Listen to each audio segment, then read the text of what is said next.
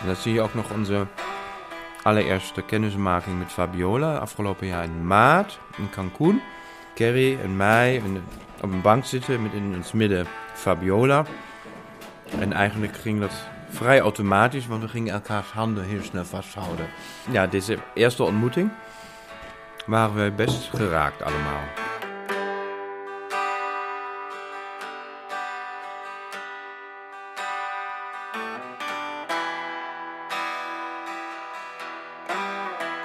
In de vijfde maand dat ze zwanger was, dachten we, hé, hé, hé, die buik is wel heel erg groot. Ook al is een tweeling. En toen hadden we ook even het vermoeden dat het een drieling zou zijn.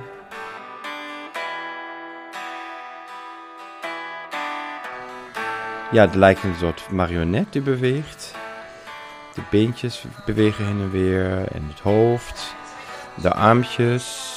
En op een gegeven moment zie je, zo dadelijk, dan gaat ene poppetje gaat die andere blaas, vruchtblaas, zeg maar aanraken. En het lijkt eigenlijk dat ze al contact maken onderling. Zie je nu? Zie je? Nu, ja. Even aantikken hoe is het met jou. Tik, tik, tik. En ja. Ja, is heel schattig.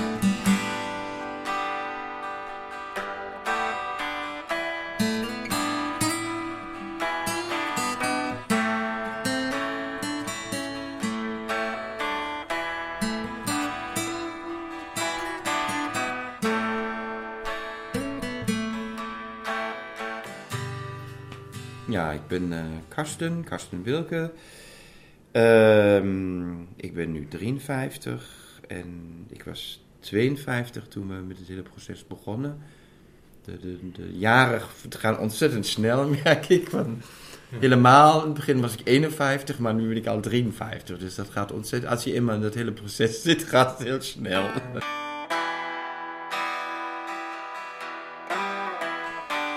Carrie en Karsten willen een kind en krijgen er uiteindelijk twee. Twee meisjes. Tenminste, als alles goed gaat. Ik spreek de mannen voor het eerst twee weken voor ze afreizen naar Mexico. Ruim een week voordat het tweetal ter wereld komt bij hun draagmoeder. Ik volg ze tot de tweeling veilig en wel in Amsterdam Noord is beland. In het huis dat klaar staat om ze te ontvangen. En we zijn eigenlijk begonnen met het aankleedkussen. We hebben eerst een keer een heel stout, stoute schoenen aangetrokken. En zijn we prenataalwinkel binnengestapt in Zandam. Natuurlijk ons persoonlijk verhaal toegelicht. En alle dames waren heel erg geïnteresseerd. Dus die waren, goh, een tweeling. Ja, en toen zijn we eigenlijk uiteindelijk met een aankleedkussen uit de prenataal gegaan. Want, om maar een begin te maken. Dat ligt nu hier. Nou ja, en dan denk je na, wat heb je nog meer nodig? En dan, oh ja, je moet ze natuurlijk uh, ergens op, dat aankleedkussen moet ergens op liggen, welke hoogte. En dan, oh ja, daar heb je commodes voor. En dan uh, commode aangeschaft. En eigenlijk op het moment dat je een verwachting bent, je krijgt al links en rechts, iedereen geeft je al kleding en iedereen is blij met je. En dat had ik ook niet verwacht. Dat het zo, zoveel vreugde komt je ook tegemoet. Dus we kregen al heel, allemaal kleding wat hier hangt, dat kregen we allemaal cadeau. Dit hebben we allemaal gekocht. Dus dat is al, ja, inmiddels al een hele kinderkamer wat uh, ja, aan het ontstaan is.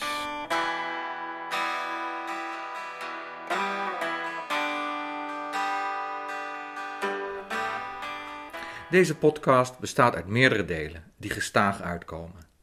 Hoeveel is afhankelijk van de ontwikkelingen en de mensen die ik wil en kan spreken om het onderwerp wensvaders compleet in beeld te brengen. Menselijk, medisch, ethisch en juridisch.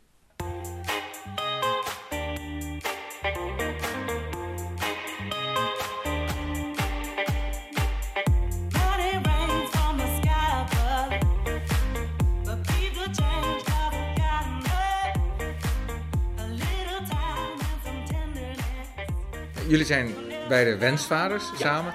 Uh, jullie accenten verraden dat jullie niet in Nederland zijn opgegroeid. Oh, hebben we accenten? Heel licht. ik heb geen accent. Jij hebt een accent. Ja, ja, ja. ja, Ik kom oorspronkelijk uit Amerika. Ja, en ik ben uh, ooit uh, in 1985 ben ik naar Nederland gekomen vanuit Duitsland. Dus ik heb een Prins Bernhard uh, accent. Dat valt niet weg te uh, poetsen. Dus, uh, ja. en, hoe, en hoe lang kennen jullie elkaar? Vijftien jaar of zo. Ja. Misschien iets Ruim langer. 15 jaar. Ja. En, en jullie hebben elkaar in Nederland ontmoet? Ja. Ja. Ja. ja. Volgens mij was het 2003. Ja. Uh, 6 juni. We hebben eigenlijk online ontmoet. Aha. Dus, uh, en volgens mij in 2003 was het ook niet zo gewoon. Dus uh, Ja. we hebben jarenlang uh, gezwegen erover. Nou we ja, we niks gezegd. aan de grote klok gehangen. Nee, ja. nee, dat niet. Maar het, wij, wij zijn eigenlijk een succesverhaal Ja. van, van het uh, online dating. Maar het had destijds een beetje ranzig uh, bijsmaakje als je elkaar online had ontmoet. Ja, ja. Dat was in die tijd zo. Ja, We komen daar nu helemaal voor uit dat het zo gegaan is. Ja, Nu zijn we 15 jaar verder. Ja. ja. En nu, tussen aanhalingstekens, krijgen jullie binnenkort een kindje. Twee zelfs. Twee zelfs. Ja. Eh, hoe, hoe, is het, hoe is het zo gekomen? Eigenlijk. W- Wanneer begonnen jullie daarover te praten? Zo van, wij zouden wel ook vader willen worden. Ja. Nou, ik, ik zou zeggen dat wij zijn snel eerlijk en open naar elkaar geweest. En we, we, we hadden dat allebei een soort vaderwens. Maar de, helemaal in het begin. Maar hoe? Dat, Ja. dat, hadden we geen, geen gezicht op. Ja. Er is ook zoiets als adoptie natuurlijk. Hebben jullie dat overwogen? Ja, heel kort. Um, Karsten heeft mij bang gemaakt. Hij zei, ja, uh, uh, misschien is er een reden waarom kind is uh, ja, weggedaan voor een adoptie. Ja. Maar vaak is het dat kinderen van adoptie hebben wel uh, eigen problemen of zo. Ja. Van wat ze hebben meegemaakt. ja. En, uh, Dus ze hebben in ieder geval iets meegemaakt. Maar ja, maar je weet niet wat. Nee, en, dat is en natuurlijk heel positief. Kan wel, maar er is ook een kans dat je kijk, beschadigd kind. Dat vind ik niet erg, Hm. omdat ik denk iedereen is een beetje beschadigd. Maar ik zou liever iets van, van mezelf. Voor mij is vader zijn eh, was altijd een diep gekoesterde wens. En ik heb eigenlijk voor mij, ik ben eh, vanaf 1989, dus een, nou, een heleboel jaren al, weet ik dat ik HIV heb. En ik heb toen ik 24 was eigenlijk ook heel erg ja, bewust afstand moeten doen van dat idee dat ik ooit never ever een kind of vader rol op me zou kunnen nemen. Of dat ik vader kan zijn van mijn eigen nou ja, biologisch materiaal. Heel lang uh, is dat niet meer opgekomen. En uh, een jaar of twaalf geleden ben ik door mijn internisten benaderd. Luister Karsten, um, de, inmiddels is het ook zo als je een vaderwens hebt. Uh, de, de, techniek is nu zover dat je, ja, dat, ja, er bestaat ook een procedure om het zaad te reinigen. Om, ja, als het de vaderwens is, dat, je, nou, dat het gerealiseerd kan worden. Nou, dat was voor mij voor de eerste eigenlijk dat ik dacht, oké, wauw. Wat krijg ik hier voor wat de erkenning van mijn uh, diepste wens. Hm. En ik heb uh, zelf eigenlijk in de jaren, heb ik, zeg maar, met één dame heb ik, zeg maar, die heb ik leren kennen op mijn werk, een collega. Uh, hebben wij onderzocht gedurende één jaar in het AMC of, of wij zeg maar een uh, ja, gedeeld ouderschap zouden kunnen doen. En zij was ook bereid zeg maar de hele procedure te ondergaan. Van, uh, maar goed, dat is helaas niet gelukt. Maar ja. En waarom is dat niet gelukt? Uh, ja, we zijn eigenlijk een jaar uh, werden we onderworpen aan veel vragen van het AMC. Het had ook te maken met heel veel onderzoeken. De, de, de AMC stelt ook de voorwaarde dat de vrouw heel erg vruchtbaar moet zijn.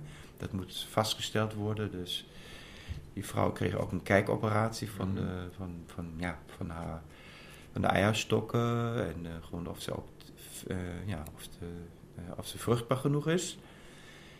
Ik werd aan, aan de onderzoeken onderworpen, want mij werd ook gezegd, ja, waarschijnlijk, ja, je hebt daar zo lang HIV-medicatie, dat zal wel niet, de vruchtbaarheid zal wel niet meer. Nou, die vrouw was dus vruchtbaar, ik was vruchtbaar. En daarnaast moesten we ons ook nog zelf bewijzen tegenover maatschappelijk werk. Die wilde ook allemaal, legde ook de vinger op de zere plekken. Werd ook onderzocht of wij capabel zijn om uh, met onze ja, constructie zoals wij uh, ja, ons gezin uh, gestalte wilden geven. Of dat ook wel mogelijk is. En uiteindelijk kregen we groen licht. En toen waren we een jaar verder. En nou ja, en die dame in kwestie, die, die heeft helaas zeg maar, op het moment suprem, eigenlijk vlak voor moment dat ze de bevruchting zou plaatsvinden, had ze zich bedacht en heeft ze zeg maar, aangegeven dat ze niet met ons verder wilde. Het wordt niet helemaal duidelijk waarom deze vrouw uiteindelijk besloot om niet mee te doen. Haar redenen zijn te persoonlijk om weer te geven. Twee jaar geleden zijn we nog een keer hebben een poging gedaan op de website uh, Meer dan gewenst. Mm -hmm. Toen hebben we een vrouw benaderd die uh, ook een kinderwens had. En zij, met haar hebben we zeg maar uh, afgesproken om te onderzoeken, goh, kunnen we elkaar vinden. En daar kwam eigenlijk, ja, misschien wil jij dat vertellen, Kerry? Ja, ik heb um, de volgende dag van haar een e-mail ontvangen. Na de ontmoeting, toch? Na de ontmoeting. Hele en ze zei, oh ja, um, het was heel aardig. Vonden jullie leuk en aardig en dat is allemaal prima. Maar ik denk dat het wordt altijd één tegen twee. Omdat jullie een stel zijn. En dus uh, zij kon dat voor zichzelf niet invinden. Hm. Zij zou, dat zou te moeilijk voor haar zijn. Ja, dat is jammer. dus jullie hebben het eigenlijk eerst ook in Nederland geprobeerd? Precies, ja, een paar ja, keer. Ja, ja, ja. Ik had ook een andere afspraak proberen te maken met een, een, een vrouw die was bijna, bijna 40. Een advocaat, alleenstaande. Zij wilde daar ook over hebben. Maar dat werkte ook niet. De, ja, de communicatie werkte ook niet.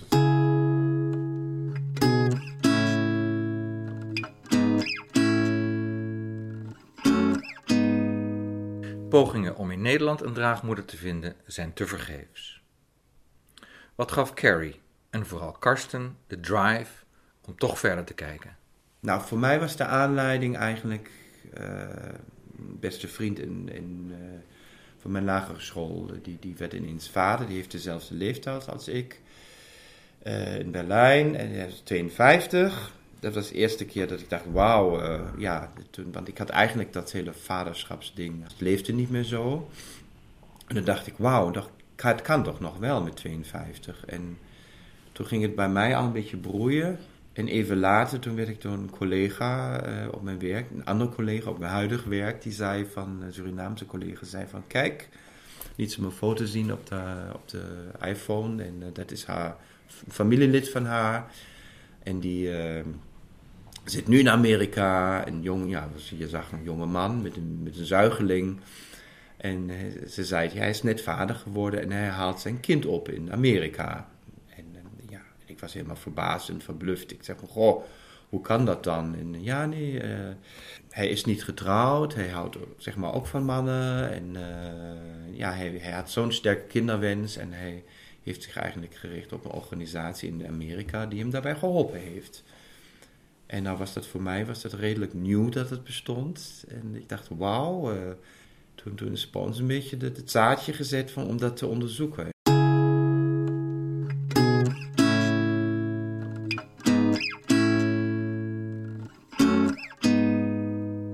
Ja, wat is dat? De hele diepe wens om iets, ja, een gezin willen hebben en, en met elkaar iets opbouwen, iets over willen dragen, iets mee willen geven. Ja, iets hele diepe, wat ik, misschien iets wat ik helemaal niet uit kan leggen, maar iets heel dieps kwam weer naar boven. Ik dacht van, ja, why not? Ja, laten we het onderzoeken. Vriendin van mij uit uh, ja, high school, zeg maar, zij is getrouwd met een vrouw en ze hebben al drie kinderen. Allemaal van dezelfde vader, maar is ook anoniem. Maar dus de constructie, dat wist het al dat het kon in Amerika. En we zijn ook opgegroeid met dat concept van uh, surrogacy, van draagmoederschap. Ja, kinderen horen erbij in de familie, denk ik. Anders is het alleen maar maar twee. En dan is het een stel. Maar het is ook familie van elkaar, dat is mooi. Maar als je echt denkt van familie, dan denk ik natuurlijk aan kinderen. Ook. Uh, Karsten en zouden natuurlijk een prachtig leven met z'n tweeën. Maar dit is echt bijzonder. Ja.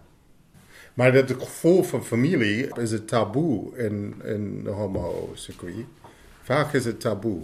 Oh, dat, oh nee, ik wil mijn leven niet opgeven. Mijn leven, tussen haakjes, opgeven om, ehm, voor een kind. Dat, dat is zo een groot verschil van, uh, van de traditioneel homo uh, levens, le levensstijl. Dat is wel is een groot verschil. Ah, dus, dus in de homo-wereld is het not dan om daarover te praten, over kinderen. Ja, over iets wat vrijwel onbereikbaar is misschien. Precies, het is een heel zeer, is een zeer plek. Maar, maar dan, dan hou je jezelf ook een beetje voor de gek. Als, Door er niet over te praten. Nee, eh, ja, als er geen antwoord is, als niemand begrijpt hoe je voelt, dan ja, waar, waar, waar heb je het over? Nou, Met wie kan je daarover praten? Alleen maar nog een andere homo-jongen of iemand die ja, een vriend van homo is. Maar dan snappen ze het ook niet, tenzij ze ook dat wens hebben. Dus denk je dat bij veel homo's ja, een latente kinderwens is? Die ze niet durven uit te spreken. Ja, ik, ik denk dat het menselijk is.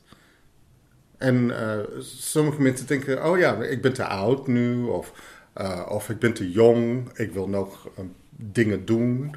En homo is niet, voor, voor mijn begrip, homo zijn is niet dat je geen familie hebt.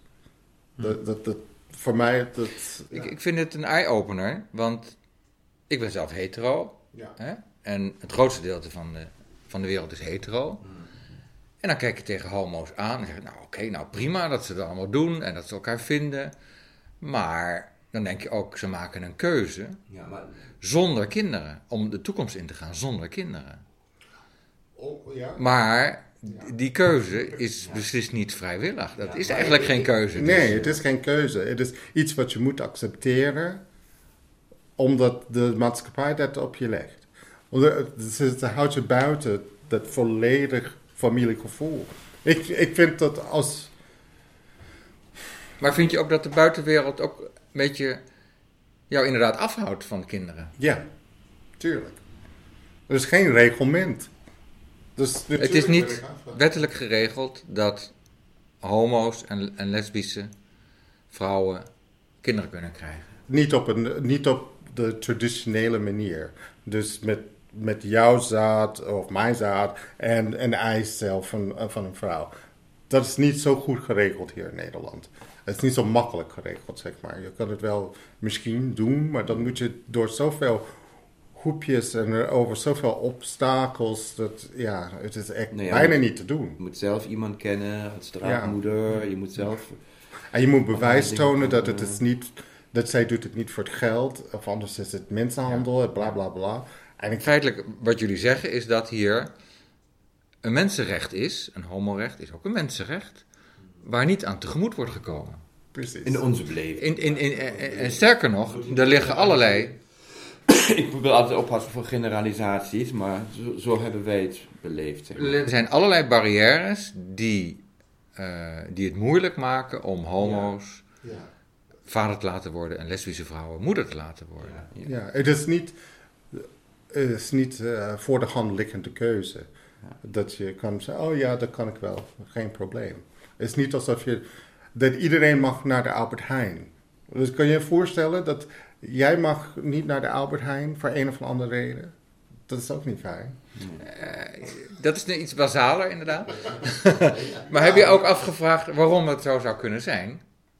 Dat er kennelijk overheden zijn die bepalen dat dat moeilijk gemaakt moet worden. Voor gay vrouwen en mannen. Moeilijk gemaakt? Om kinderen te krijgen. Ja, als je het zelf niet kan doen, dan dat mag gewoon niet. Twee mannen gaan uh, een kind niet uh, gezond opvoeden. Uh, dat hoor je allemaal, maar dat, ja.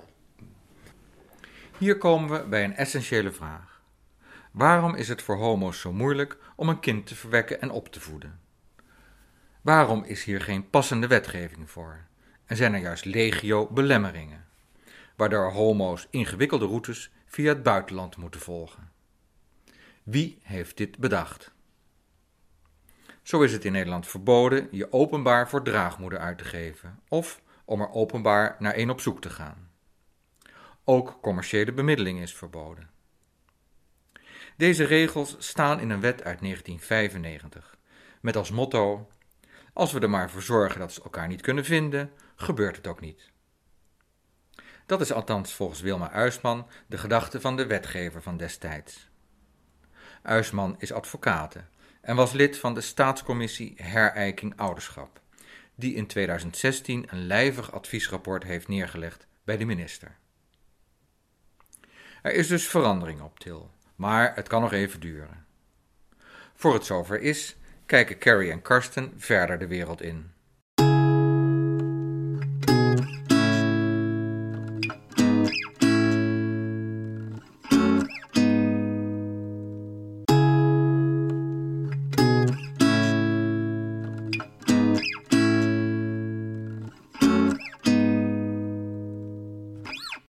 Moment hebben jullie besloten van nou, het lukt niet in Nederland. We gaan naar het buitenland. Ja. Wat is dan de eerste stap die je neemt? Toen gingen we eigenlijk googelen naar organisaties, fertility eh, klinieken overal in de wereld. En we gingen dan eigenlijk ook meteen heel gericht eh, kijken van, goh, is, is, worden ook programma's aangeboden voor mensen met HIV of voor de, voor de gay community? Daar ging eigenlijk een wereld voor ons open. Dus we zagen gewoon, er zijn heel veel organisaties die dat wel degelijk aanbieden. En uh, toen gingen we gewoon een aantal die voor ons zeg maar uh, eruit uh, sprongen, gingen we noteren. En gingen we gewoon ja, viertal organisaties ja, je hebt dan, je kan online een soort uh, vraagstelling neerzetten. Je kan je casus formuleren. En nou, dat hebben we bij een aantal gedaan. En we werden bij iedere, el, elke organisatie heel keurig ook teruggeschreven. En dat we wel welkom zijn. Dus ja, dat er mogelijkheden zijn. En dat was natuurlijk heel verrassend en heel bemoedigend om dat te merken. Dat onze wens ja, met, met de onmogelijkheden die we in ons hebben, dat het wel een weg is. En, uh, en we hebben uiteindelijk twee organisaties volgens mij overgehouden. En waarvan de laatste, ja, waar we nu zeg maar mee in zee zijn gegaan. Ja. En, en van die vier, waar hebben jullie op geselecteerd? Uh, ja, goede vraag. Uh, wij vonden het belangrijk dat het niet helemaal in Azië is of heel ver uh, in een land waar we de taal 0,0 zouden beheersen. Het kostenplaatje vonden wij belangrijk. Want er zijn bijvoorbeeld een x aantal organisaties in Amerika die, die hele goede diensten neer kunnen zetten. Alleen dan er zit een heel ander kostenplaatje aan vast van, van wat we nu hebben. Ja.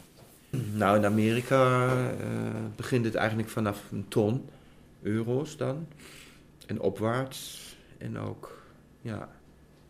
En uh, nou ja, de, de, organisatie waar we nu in, mee in zee zijn gegaan, ja, dan kom je uit ongeveer bij 60 à 70.000 euro. Ja. ja. Waarvan 20 voor de draagmoeder? Ja. ja. ja. En uiteindelijk zijn we ook al hoger, maar omdat er, zeg maar, het is niet meteen gelukt bij de eerste eiceldonor. Mm. Dus dan moet je weer heel veel bijbetalen. En, uh, dus jullie hebben gekeken naar de taal, naar de, naar de land, naar uh, de kosten. En uh, ik, ik, neem aan dat je ook hebt gekeken naar uh, ja, hoe, dat, hoe dat precies werkt met die draagmoeders. Of die goed worden behandeld en, en, en, en, en, en waar dat eitje dan precies vandaan komt en zo. Ja, dat, dat, dat uh, hebben we ook onderzocht. Carrie en Karsten gaan in zee met New Life, een bedrijf dat vanuit Georgië een netwerk onderhoudt van draagmoeders en eiceldonors over de hele wereld.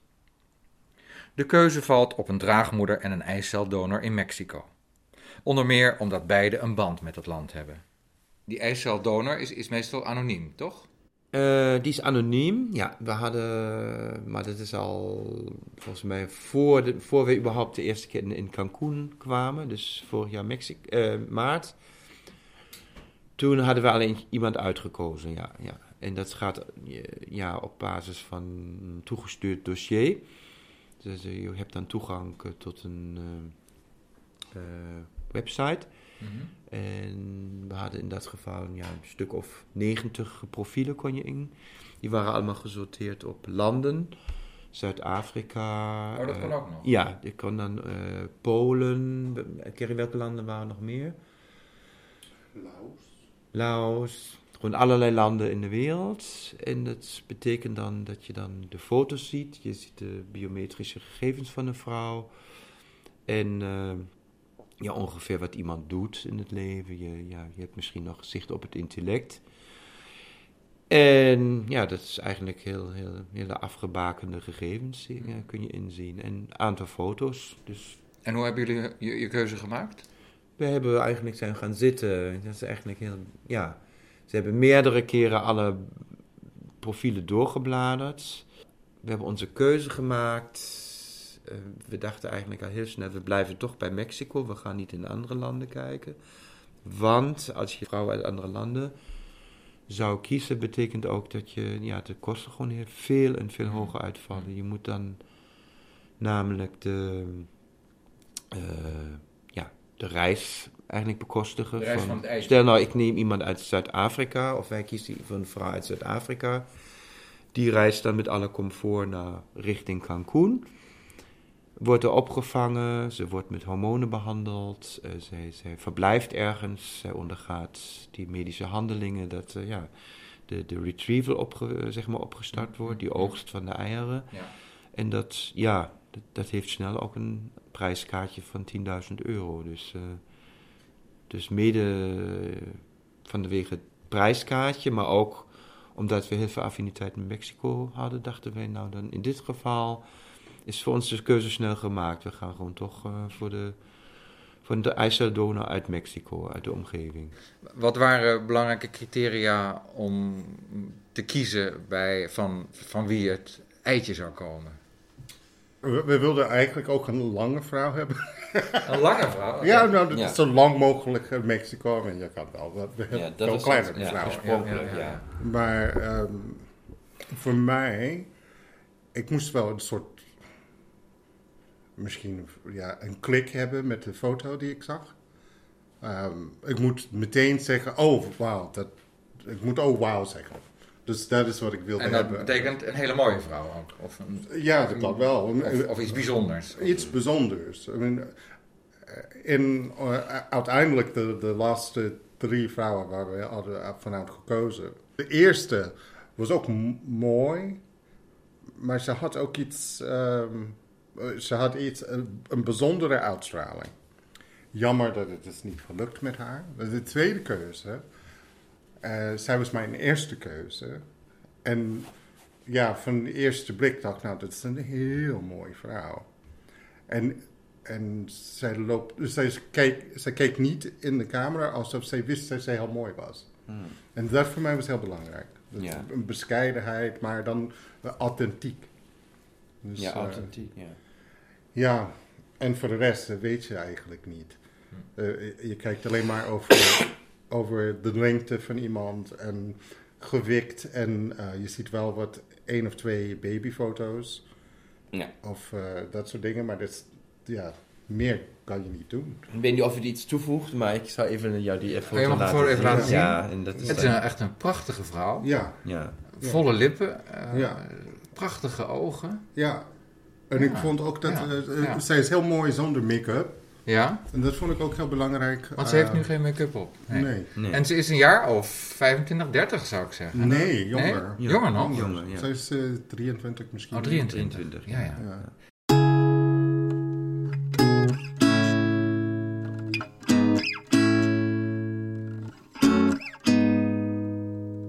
Maar met de eerste ijsseldonor wil het niet lukken. Er komen van haar te weinig eitjes beschikbaar. En als die niet willen hechten in de baarmoeder, is er geen tweede kans. Er was één punt waar ik, ik twijfelde. En dat was tussen de eerste en tweede poging. Over de do- eh. Ja, ik dacht, nou, hoe kan dit? En ja, ik was emotioneel. En dat was het enige moment waar ik dacht, nou, hier, Ja. hier, ik weet niet of ik dit kan. Ja. Maar eh, Als je, als, maar eh, ik heb een paar stapjes teruggenomen en ik dacht, oh, wauw, dit is, wij moeten hiervoor gaan. Maar dat was, daar, daar was dus een, een afhaakmoment bijna. Ja, dat Bijna. klopt, ja. Bij ons allebei, ja. Ja. Bij jullie allebei. Ja. Ja, ja, ja, ja, ja. Nou, het was inderdaad, we, we hadden dan, eh, ons was,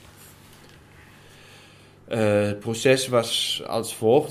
Je gaat met de donormoeder eicellen opwekken en dan heb je een x aantal eicellen en toen bleek dus die donormoeder maar twee eicellen te hebben. En de bedoeling was dat je eh, na de eerste terugplaatsing van embryo's, dat je daarna nog, mocht het niet lukken, een tweede poging hebt en een derde. Alleen, daar waren geen derde, tweede en derde pogingen in ons Ja. geval. Er was alleen maar twee eicellen die geoogst werden, die werden bevrucht. En daar bleef uiteindelijk één embryo over. En die ene embryo die is teruggeplaatst. En dan was het drie weken afwachten, is er wel of niet een zwangerschap.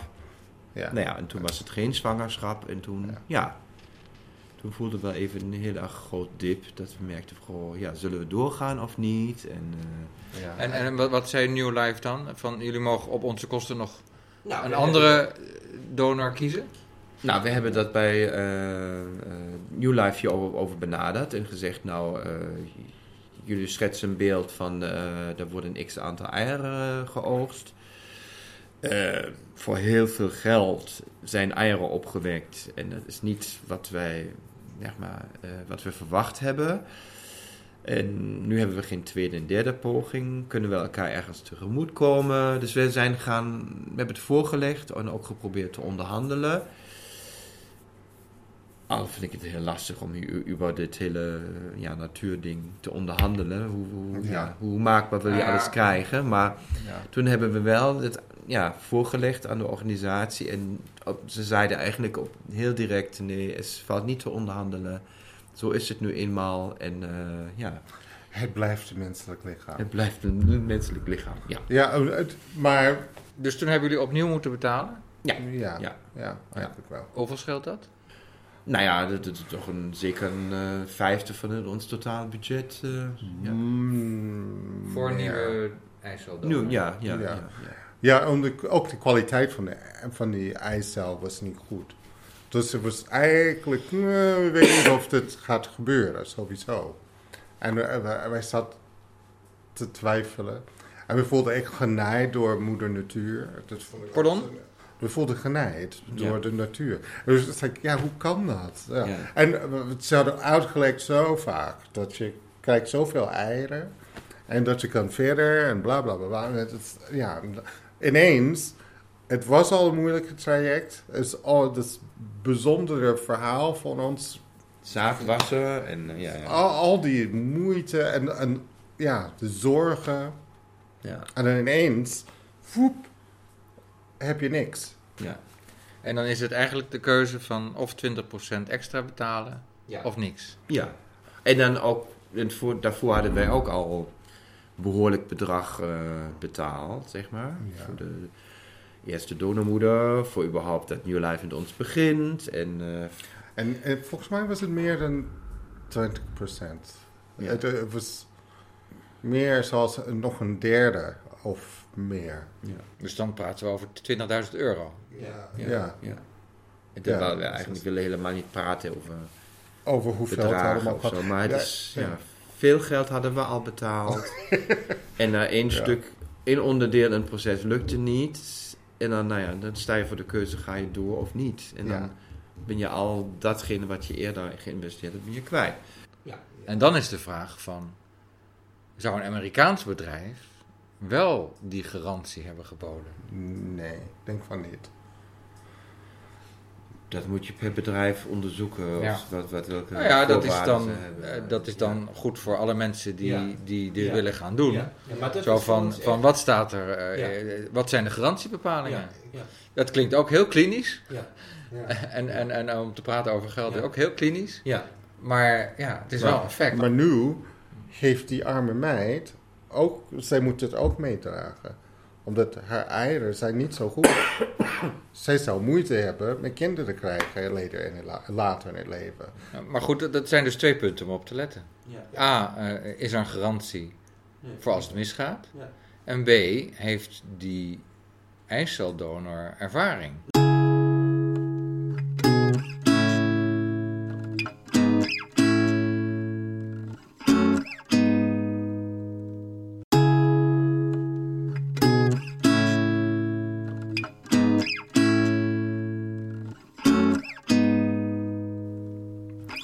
Tweede eiceldonor hebben Carrie en Karsten meer geluk. En met draagmoeder Fabiola helemaal, zoals je ook al in het begin hebt kunnen horen. Nou, we hebben Fabiola een eh, jaar geleden in eh, Mexico ontmoet, in Cancún. En wij zijn eigenlijk in contact gebracht met Fabiola eh, door New Life. New Life heeft ons voorafgaan dat we naar Cancún gingen, haar, haar profiel opgestuurd. En, nou ja, zeg maar een biometrisch pro- profiel hoe oud ze is, eh, hoeveel zwangerschappen ze heeft gehad voorafgaande, welke soort bevallingen heeft ze gehad. Dus ze heeft vijf kinderen eerder gehad. En waarvan de vierde kind wat ze heeft gekregen is ook een keizersnede geweest. Nou ja, wat ze doet. En, en, en, en die andere vijf kinderen, die voedt ze zelf op? Die, die, die eh, zijn bij haar, zeg maar. Zij, zij, zij brengt, heeft die kinderen grootgebracht. Die Fabiola zelf is 33. Zij ehm, eh, is, eh, heeft die vijf kinderen. Ze is single, ze is gescheiden nu weer. En ja, die brengt ze zelf groot. Ja, ik denk de, de jongste is nu een jaar of 13. Ze heeft op hele jonge leeftijd eigenlijk die kinderen gekregen. Ja. Nou ja, het was een eerste een beetje onwennig. En, en, maar ook heel snel merkten we gewoon eh, dat we een klik hadden. Van, eh, dat, ja, we stelden, werden aan elkaar voorgesteld. En toen Hm.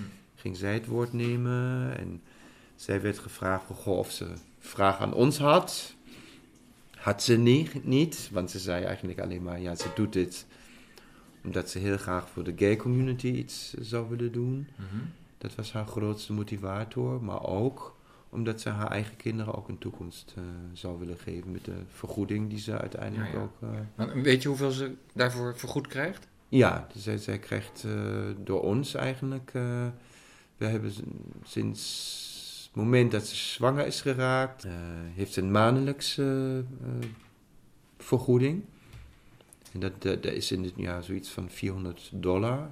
Maken we haar dagelijks over, eh, maandelijks over. Mhm. En dat is dan. En, en op het einde hebben we nu, dat hebben we nu iets eerder overgemaakt, een vergoeding omdat ze een, een meerling heeft. Heeft ze ook 1000 dollar extra gekregen. Eenmalig. Ja. En ze heeft dan. eh, en ze krijgt op het. Na de bevalling krijgt ze een bedrag van 14.400 euro. Dat is wat zij. eh, Nou, ja. nou, dat is een flink bedrag. Ja, het kost, het kost nogal wat. Hè? En, en of jullie hebben ook aan crowdfunding gedaan of zoiets? Nee, dat eh, hebben we niet Want ik heb gezien dat een ander stel heeft dat gedaan namelijk. Ah, oké. Ja. Ja. nee, dat hebben we niet. eh, nee. Nee. Ik hoorde wel steeds, sommige mensen zeiden ook op mijn werk, iemand zei van, nou, zullen we niet een crowdfunding starten? Ja? Je hebt het al zo moeilijk. Ja? En ja, ik, ik persoonlijk dacht ik, nee, ik wil het eigenlijk proberen zelf. eh. ja, ik vind het ook een beetje... eh, ja, het zou natuurlijk fijn zijn als er ergens geld vandaan komt, maar ik wil ook niet mijn problemen of mijn, in de aanhalingsteken, mijn luxe probleem, want het is ergens ook een, het is heel maakbaar allemaal, wil ik niet zeg maar door, door anderen heel makkelijk gefinancierd krijgen.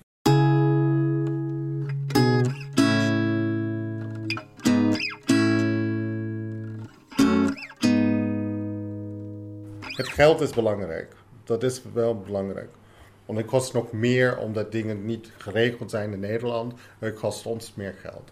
En eh, ja, dat is, dat is gewoon zo. Maar voor ons, het verhaal gaat niet om het geld. Ehm, wij geven alles voor. Dus het gaat wel om de mogelijkheid om het te doen. En ja, als je, als je, als je genoeg geld hebt, dan kan je het wel ehm, waarmaken. Maar meest belangrijk is niet het geld, maar het proces. Dat, dat het mogelijk is. En dat, ehm, ja, er moet een makkelijke manier zijn om dit eh, voor anderen uh, waar te kunnen maken.